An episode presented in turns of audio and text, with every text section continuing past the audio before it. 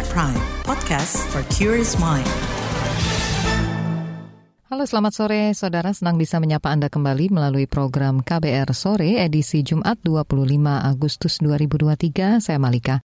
Sore ini kita menyoroti salah satu upaya pemerintah menangani polusi udara di Jakarta, Bogor, Tangerang, Depok, dan Bekasi atau Jabodetabek.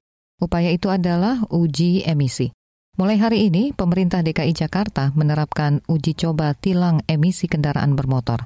Pemerintah daerah bersama Polda Metro Jaya, TNI, dan Satuan Polisi Pamung Praja bersama-sama melakukan razia uji emisi pada kendaraan bermotor di jalan raya. Nah, pada saat uji coba, pemilik kendaraan yang emisi gas buangnya melebihi ambang batas hanya akan ditegur, namun setelah diberlakukan resmi, akan ada denda. Bagaimana memastikan agar uji emisi beserta penerapan tilang uji emisi bisa dilaksanakan secara efektif? Selengkapnya kita bahas di KBR sore.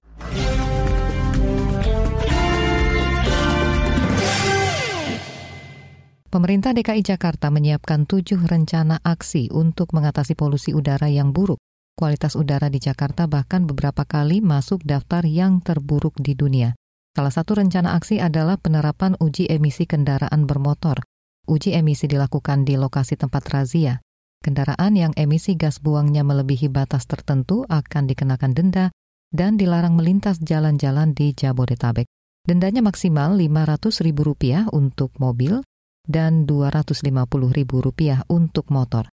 Kepala Dinas Lingkungan Hidup DKI Jakarta Asep Kuswanto menjelaskan, sanksi tilang uji emisi sebenarnya bukan kebijakan baru, Tilang emisi sudah diatur antara lain melalui Peraturan Gubernur Nomor 66 Tahun 2020 tentang uji emisi gas buang kendaraan bermotor. Ada instruksi Gubernur Nomor 66 Tahun 2019 atau ada uh, tentang pengendalian kualitas udara yang ter, di dalamnya terdapat tujuh aksi yang dilakukan oleh Pemprov. Uh, pertama adalah uh, permajaan kendaraan dan uji emisi, kemudian ganjil genap, tarif parkir yang pengenaan tarif parkir tertinggi, pembatasan usia kendaraan dan uji emisi kendaraan pribadi, peralihan modal, peningkatan kenyamanan dan fasilitas pejalan kaki, lalu ada pengendalian sektor industri, penghijauan dan energi terbarukan. Juga uh, kami ada Pergub juga nomor 66 tahun 2020 tentang uji emisi buang kendaraan bermotor dan yang uh, terbaru kami juga ada Kepgub nomor 1053 tahun 2022 tentang pedoman percepatan program penggunaan kendaraan bermotor listrik berbasis baterai dalam layanan angkutan Transjakarta, di mana target realisasi dari transisi ditentukan sebesar 50% pada tahun 2027 dan 100% pada tahun 2030 dari jumlah kendaraan layanan angkutan Transjakarta yang beroperasi saat ini. Jadi memang diharapkan ke depannya seluruh kendaraan transportasi Jakarta, khususnya yang dilayani oleh busway oleh Transjakarta, itu sudah menggunakan uh, listrik dan bayarnya. Kepala Dinas Lingkungan Hidup DKI Jakarta Asep Kuswanto mengatakan uji coba tilang emisi ini baru pertama kali dilakukan di Indonesia. Sementara itu pemerintah pusat meminta pemerintah daerah khususnya DKI Jakarta menggalakkan pemanfaatan transportasi publik dan memperluas penggunaan kendaraan listrik. Deputi Koordinator Bidang Transportasi dan Infrastruktur di Kementerian Koordinator Bidang Kemaritiman dan Investasi Rahmat Kaimuddin mengatakan pemicu polusi udara di DKI Jakarta yang terbesar datang dari aktivitas di sektor transportasi, industri, pembangkit listrik, dan polusi debu. Selanjutnya juga untuk melakukan konversi. Jadi ada yang pengen motornya dikonversi, itu saat ini program sudah berjalan. Tinggal datang ke bengkel-bengkel per pemerintah, dapat uh, bantuan 7 juta untuk konversi ke motor listrik.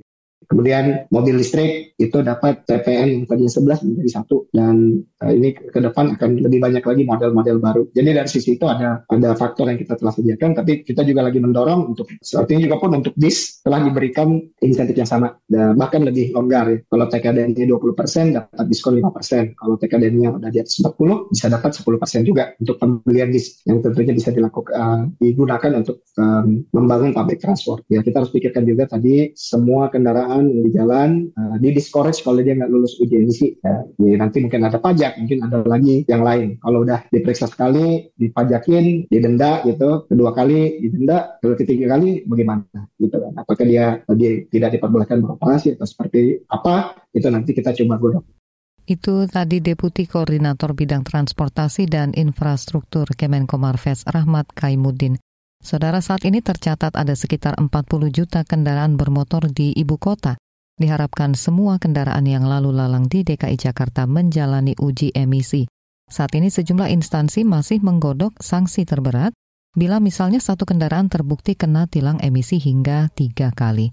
Di lain pihak, Direktur Lalu Lintas Jalan di Kementerian Perhubungan Cucu Mulyana mengusulkan agar uji emisi dilakukan secara berkala oleh pemilik kendaraan, mobil, ataupun sepeda motor. Caranya dengan mensyaratkan ada surat keterangan lulus uji emisi kendaraan untuk setiap kali dilakukan perpanjangan pajak kendaraan bermotor. Intinya kita mempersulit kendaraan pribadi ya dengan mempermudah kendaraan umum. Nah, supaya masyarakat itu beralih dari kendaraan pribadi ke kendaraan umum. Intinya itu sebenarnya. Banyak caranya, banyak strateginya. Nah, oleh karena itu maka mudah-mudahan ya baik di DKI maupun kota-kotanya lain juga mengikuti untuk segera menerapkan uji emisi dan bahkan dipersyaratkan dalam perpanjangan pajak kendaraan bermotor yang dilakukan tiap tahun. Nah, jadi pajak kendaraan bermotor kan pastinya kan itu kan diperpanjang tiap tahun, Pak. Dan tiap hari pasti ada. Dan itu menjadi persyaratan. Dan tentunya kita juga harus memperluas bengkel-bengkel yang diperbolehkan untuk melakukan uji emisi kendaraan tersebut. Jadi jangan sampai juga nanti kita mewajibkan tetapi kita mengalami kesulitan masyarakat untuk melakukan uji emisi kendaraan tersebut. Itu tadi Direktur Lalu Lintas dan Jalan Ditjen Perhubungan Darat Kementerian Perhubungan Cucu Mulyana. Selain cara-cara tadi, saudara pemerintah juga mendorong masyarakat beralih dari menggunakan kendaraan pribadi ke transportasi umum. Seberapa efektif cara ini, kami akan hadirkan laporannya sesaat lagi, tetaplah di KBR Sore.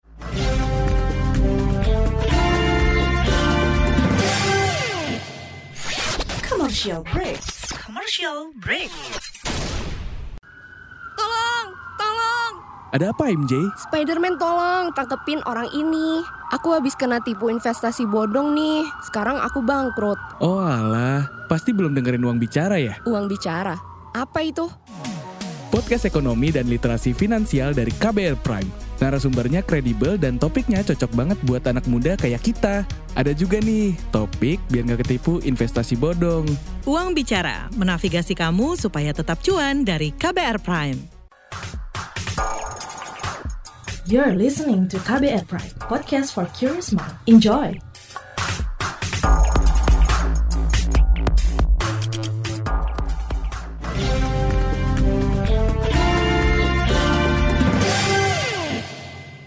Saudara polusi udara di kawasan Jakarta dan sekitarnya seperti penyakit yang kian parah kadar kegawatannya, pemerintah terus mencari obat mujarab untuk mengatasi polusi itu dari razia uji emisi kendaraan hingga larangan menggunakan kendaraan pribadi di hari tertentu.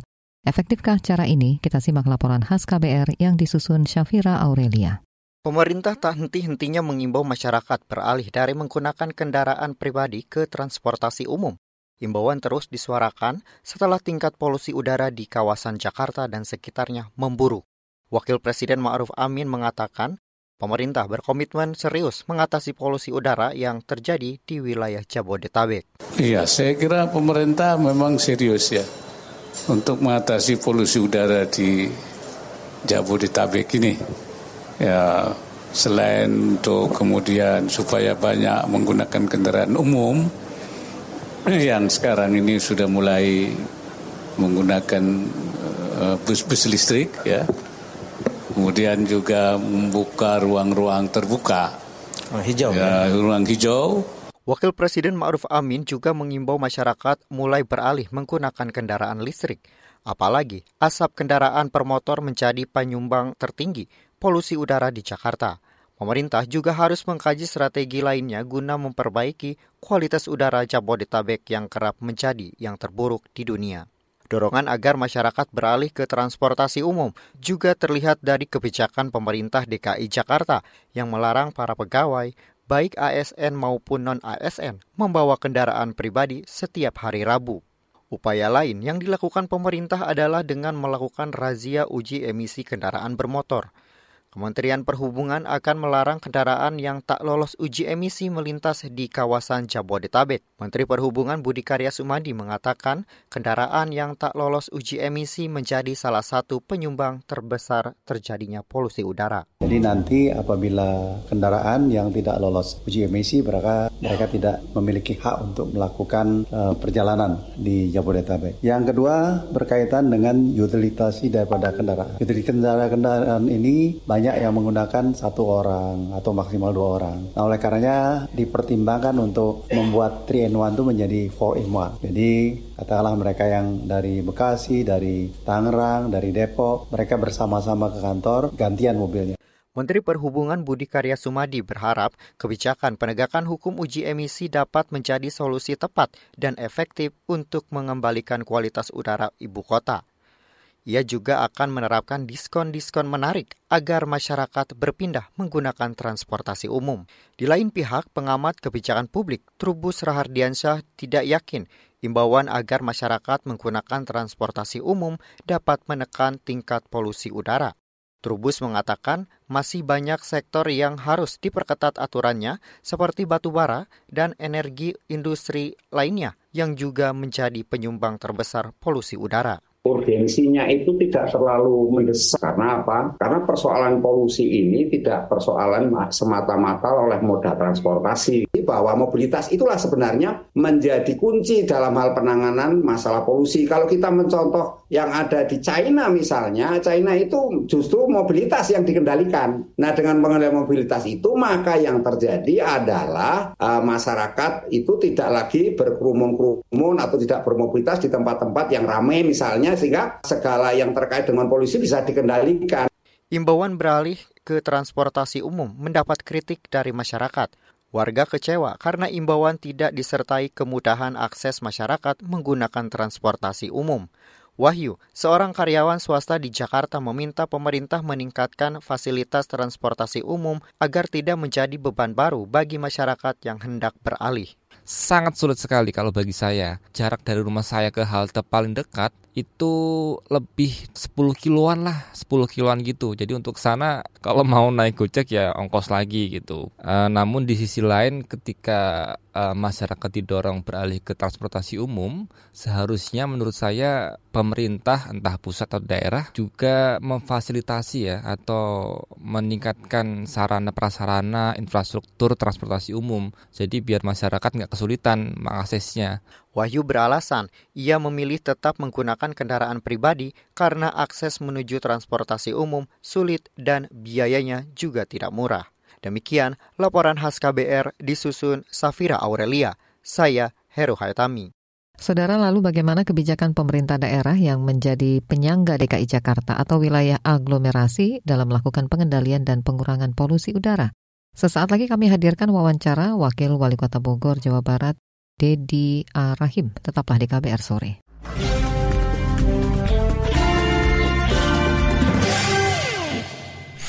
Commercial break. Commercial break.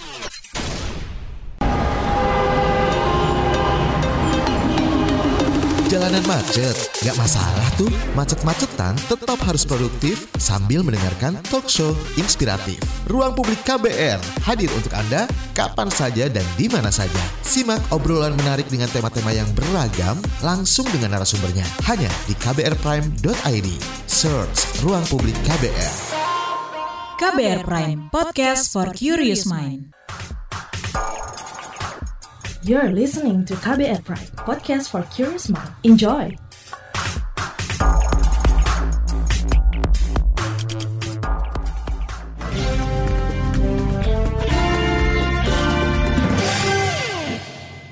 Kita lanjutkan kembali KBR sore. Saudara Menteri Dalam Negeri Tito Karnavian menerbitkan instruksi Mendagri nomor 2 tahun 2023 tentang pengendalian pencemaran udara pada wilayah Jakarta, Bogor, Depok, Tangerang, dan Bekasi atau Jabodetabek. Salah satu instruksinya adalah meminta Pemda memperketat program uji emisi kendaraan, meningkatkan pengawasan, serta sosialisasi pemberian kemudahan bagi pengguna kendaraan tanpa emisi atau kendaraan listrik. Nah, di DKI Jakarta uji coba tilang emisi kendaraan bermotor mulai dilakukan hari ini Lantas bagaimana upaya daerah lain untuk turut mengurangi polusi udara? Selengkapnya kita akan menyimak wawancara jurnalis KBR Asri Wanasari bersama Wakil Wali Kota Bogor, Jawa Barat, Dedi Arahim soal pengendalian polusi udara gitu di Jabodetabek. Itu kan kemarin kan sudah ada Inmendagri juga ya kepada 11 kepala daerah di sekitar Jabodetabek untuk melaksanakan uh, pengendalian polusi udara. Kalau dari Bogor sendiri itu apa saja gitu Kang yang sudah dilakukan untuk menindaklanjuti Inmendagri ini gitu Kang? Secara teknis masih dalam pembahasan ya terutama terkait dengan uh, rencana pelaksanaan pembagian waktu kerja atau WFH. Itu masih dalam pembahasan dan insya Allah sore hari ini baru bisa kita tuntaskan. Karena kan persoalannya bukan hanya pembagian waktu kerjanya saja, tetapi bagaimana di dalam proses-proses penyelesaian pekerjaan dan juga program ini bisa dituntaskan. Karena kan kita tahu sendiri sekarang kan tidak masuk di pelaksanaan pekerjaan-pekerjaan yang sifatnya teknis. Kemudian yang kedua, tentu kita sih untuk sementara kita tentu menghimbau agar masyarakat yang mungkin bisa bepergian menggunakan transportasi publik ya kita himbau untuk memanfaatkan transportasi publik. Kemudian yang ketiga, kita juga tentu ingin masyarakat tidak terdampak ya kesehatannya. Makanya kami juga menghimbau ya apabila nanti ada petunjuk bahwa misalnya kualitas udara pada kondisi yang buruk tentu harus memakai masker. Dan yang terakhir, penggunaan bahan bakar fosil ini juga kan menjadi salah satu penyumbang meningkatnya tingkat polusi ya. Kalau kita bicara tentang emisi ya, di DKI kan hari ini sudah mulai dilakukan uji coba tilang uji emisi gitu eh, untuk kendaraan. Ha Nah, ya. kalau di Bogor sendiri akan memperlakukan hal ya. yang sama atau bagaimana, Kang? Ya, kami sih sudah juga menyampaikan kepada dinas perhubungan ya agar bengkel-bengkel resmi dari uh, merek-merek ya PPM ini juga melakukan uji emisi. Hmm. Jadi kami kalau pemberlakuan tilang kan mungkin nanti tengahnya itu rapat komisi hanya untuk apa namanya himbau kepada para pengusaha khususnya pengusaha bengkel ATPN, bengkel resmi untuk mengadakan juga uji uh, apakah nanti misalnya filter uh, bahan bakarnya itu harus sudah diganti atau tidak karena kan ini juga mengakibatkan tingkat hasil emisi yang terjadi ya hmm. apabila memang kondisi mesinnya tidak fit gitu. Nah ini juga kita kita sudah menyampaikan kepada dinas perhubungan untuk berkoordinasi dengan para bengkel resmi dari ATPN untuk melaksanakan uji emisi. Berarti kan itu untuk pengendalian emisi kendaraan bermotor gitu ya Kang ya. Kalau ya, untuk pengendalian emisi uh, pabrik atau industri-industri itu juga akan dilakukan juga nggak ya. Kang? Kalau di industri kan nggak banyak Kota Bogor ya. Hmm. Kota Bogor industrinya juga banyak. Uh, tentu untuk proses di, di industri biasanya dilaksanakan langsung oleh Kementerian KLHK ya bekerja sama dengan dinas KLHK Kota Bogor. Tapi sejauh ini memang kalau industri kan sudah berjalan sudah cukup lama dan ada pengendaliannya ya. Hmm. Sudah melakukan ada beberapa treatment yang industri harus lakukan, mulai dari treatment polusi udara maupun limbah padat, limbah cair dan B3 itu sudah sudah ada treatmentnya. Kan itu sudah berlangsung secara periodik. Nah hmm. yang harus di, di apa digalakan ya tadi emisi gas buang untuk kendaraan uh, motor yang memakai uh, bahan bakar fosil kurang lebih itu yang, yang harus kita mulai apa galakan lagi pertimbangkan lagi supaya uh, di ke depan ini lebih lebih bersih lah udaranya. Itu tadi wawancara Astri Wanasari dengan Wakil Wali Kota Bogor, Jawa Barat, Dedi Arahim, soal upaya daerah mengurangi polusi udara. Namun kalangan aktivis menilai pemberlakuan uji emisi sekaligus menerapkan tilang emisi kendaraan bermotor tidak akan efektif mengurangi polusi udara. Apa alasannya? Usai jeda kami hadirkan perbincangan dengan aktivis lingkungan hidup dari Walhi, tetaplah di KBR sore.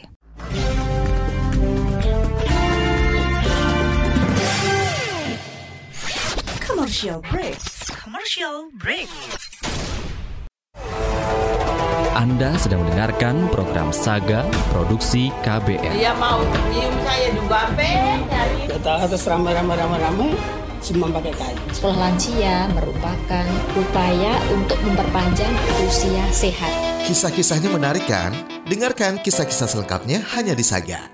Cerita tentang nama, peristiwa, dan fakta. Selain kisah-kisah inspiratif, Saga juga menghadirkan liputan mendalam yang dikemas menarik dengan kualitas jurnalistik terbaik. Dengarkan saja hanya di kbrprime.id. KBR Prime, podcast for curious mind. You're listening to KBR Pride, podcast for curious mind. Enjoy!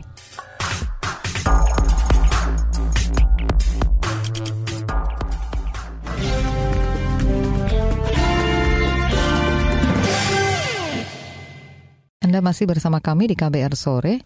Saudara kalangan aktivis lingkungan hidup menilai pemerintah terlalu menyasar individu masyarakat pada penegakan hukum dalam upaya mengurangi polusi udara. Misalnya dengan memperlakukan uji emisi sekaligus menyiapkan tilang emisi kendaraan bermotor. Aktivis lingkungan menilai penerapan uji emisi dan tilang emisi hanya menjadi kebijakan tebang pilih karena pemerintah tidak gerak cepat menertibkan dan menguji emisi karbon yang dihasilkan sektor industri. Selengkapnya simak wawancara jurnalis KBR Heru Hetami bersama juru kampanye perkotaan Wahana Lingkungan Hidup Indonesia Walhi Abdul Gofar.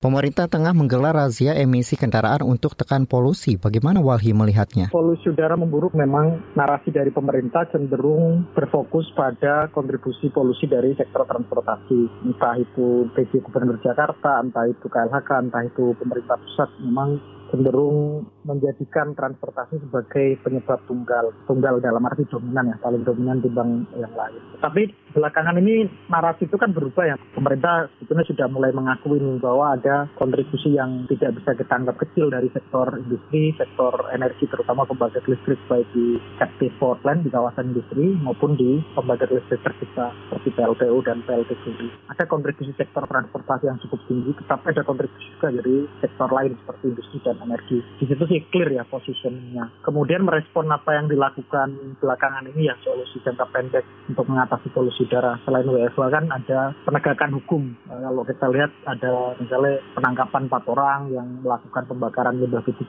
Kemudian ada razia ya untuk kendaraan-kendaraan yang melebihi ambang batas yang ditetapkan atau tidak melakukan uji emisi. Apakah upaya hukum itu juga seharusnya menyasar industri? Penting juga untuk memastikan usaha itu tidak sifatnya tebang pilih, misalnya hanya berfokus kepada kendaraan, tapi tidak ada pengecekan nih, misalnya sidak di kawasan industri, terus ada penegakan hukum bagi industri atau badan usaha ya, yang sifatnya bukan persorangan. Publik ingin melihat upaya penegakan hukum, pengendalian pencemaran tidak hanya menyasar atau jangan berfokus ke individu-individu, tapi paling penting sih nyasar dulu yang badan usaha ini di prioritas ya, misalnya ke PLTU gimana, ke PLTU milik pabrik kayak captive coal fire power plant ke kawasan industri bagaimana. Okay. kami berharap jangan yang kecil-kecil istilahnya gitu deh. Fokus Baik. rame untuk gimmick tapi yang besar-besar nggak disasar. Apa yang bisa dilakukan kepada industri? Kalau untuk kawasan industri kan ada kewajiban yang mereka belum dapat dokumen lingkungan ya waktu saat akan beroperasi. Ada AMDAL, ada izin lingkungan, kemudian ada kewajiban pelaporan. Yang kami tidak lihat ini kan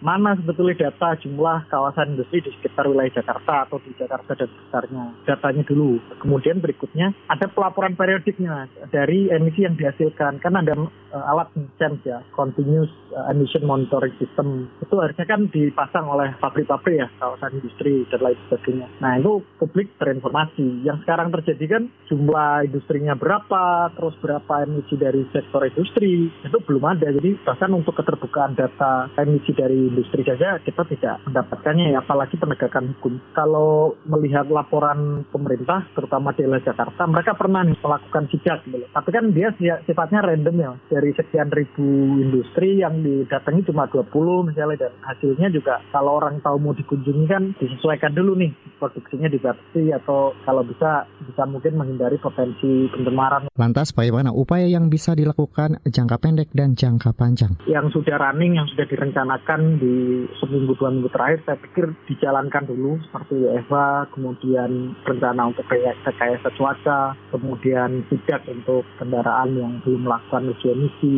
terus pemeriksaan berkala ke kawasan industri itu tetap jalan iya, tapi dibuat semacam reguler itu. Lalu berharap bikin rencana aksi jangka panjang, nah pengaturannya bisa tiga hal ya Mas. Satu misalnya perbaikan tata kelola pengendalian pencemaran udara, misalnya informasi, kualitasnya, early warning system. Yang kedua tentu bicara pengurangan ya polusi udara dari sumber pencemar tidak bergerak atau stationary yang tadi kawasan industri dan pembangkit listrik misalnya. Terakhir ya pengendalian pencemaran dari sektor bergerak kayak transportasi. Berarti di ada strateginya ya mas. Misalnya perbaikan transportasi publik, terus pembangunan transportasi publik di wilayah penyangga misalnya Bekasi, Bogor, Depok, Tangerang yang belum oke. Okay. Jadi kalau tidak ada roadmap jangka panjang yang diformalkan dalam kebijakan, saya yakin sebulan lagi orang lupa dan tidak ada kebijakan apa pun yang diambil oleh pemerintah. Itu tadi perbincangan dengan juru kampanye perkotaan Wahana Lingkungan Hidup Indonesia Walhi Abdul Gofar. Sementara itu berdasarkan tingkat polusi yang dicatat laman IQR, indeks udara di DKI Jakarta siang tadi adalah 160 atau tergolong tidak sehat. Untuk konsentrasi polutan tertinggi dalam udara DKI Jakarta hari ini PM25. Konsentrasi tersebut 14,5 kali nilai panduan kualitas udara tahunan WHO. Informasi tadi menutup jumpa kita di KBR Sore edisi Jumat 25 Agustus 2023. Pantau selalu informasi terbaru melalui situs kbr.id, Twitter kami di akun @beritaKBR serta podcast di alamat kbrprime.id. Saya Malika bersama tim yang bertugas undur diri. Salam.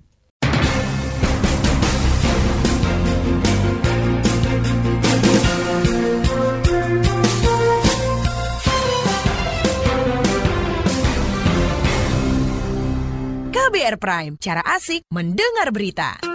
KBR Prime, podcast for curious mind.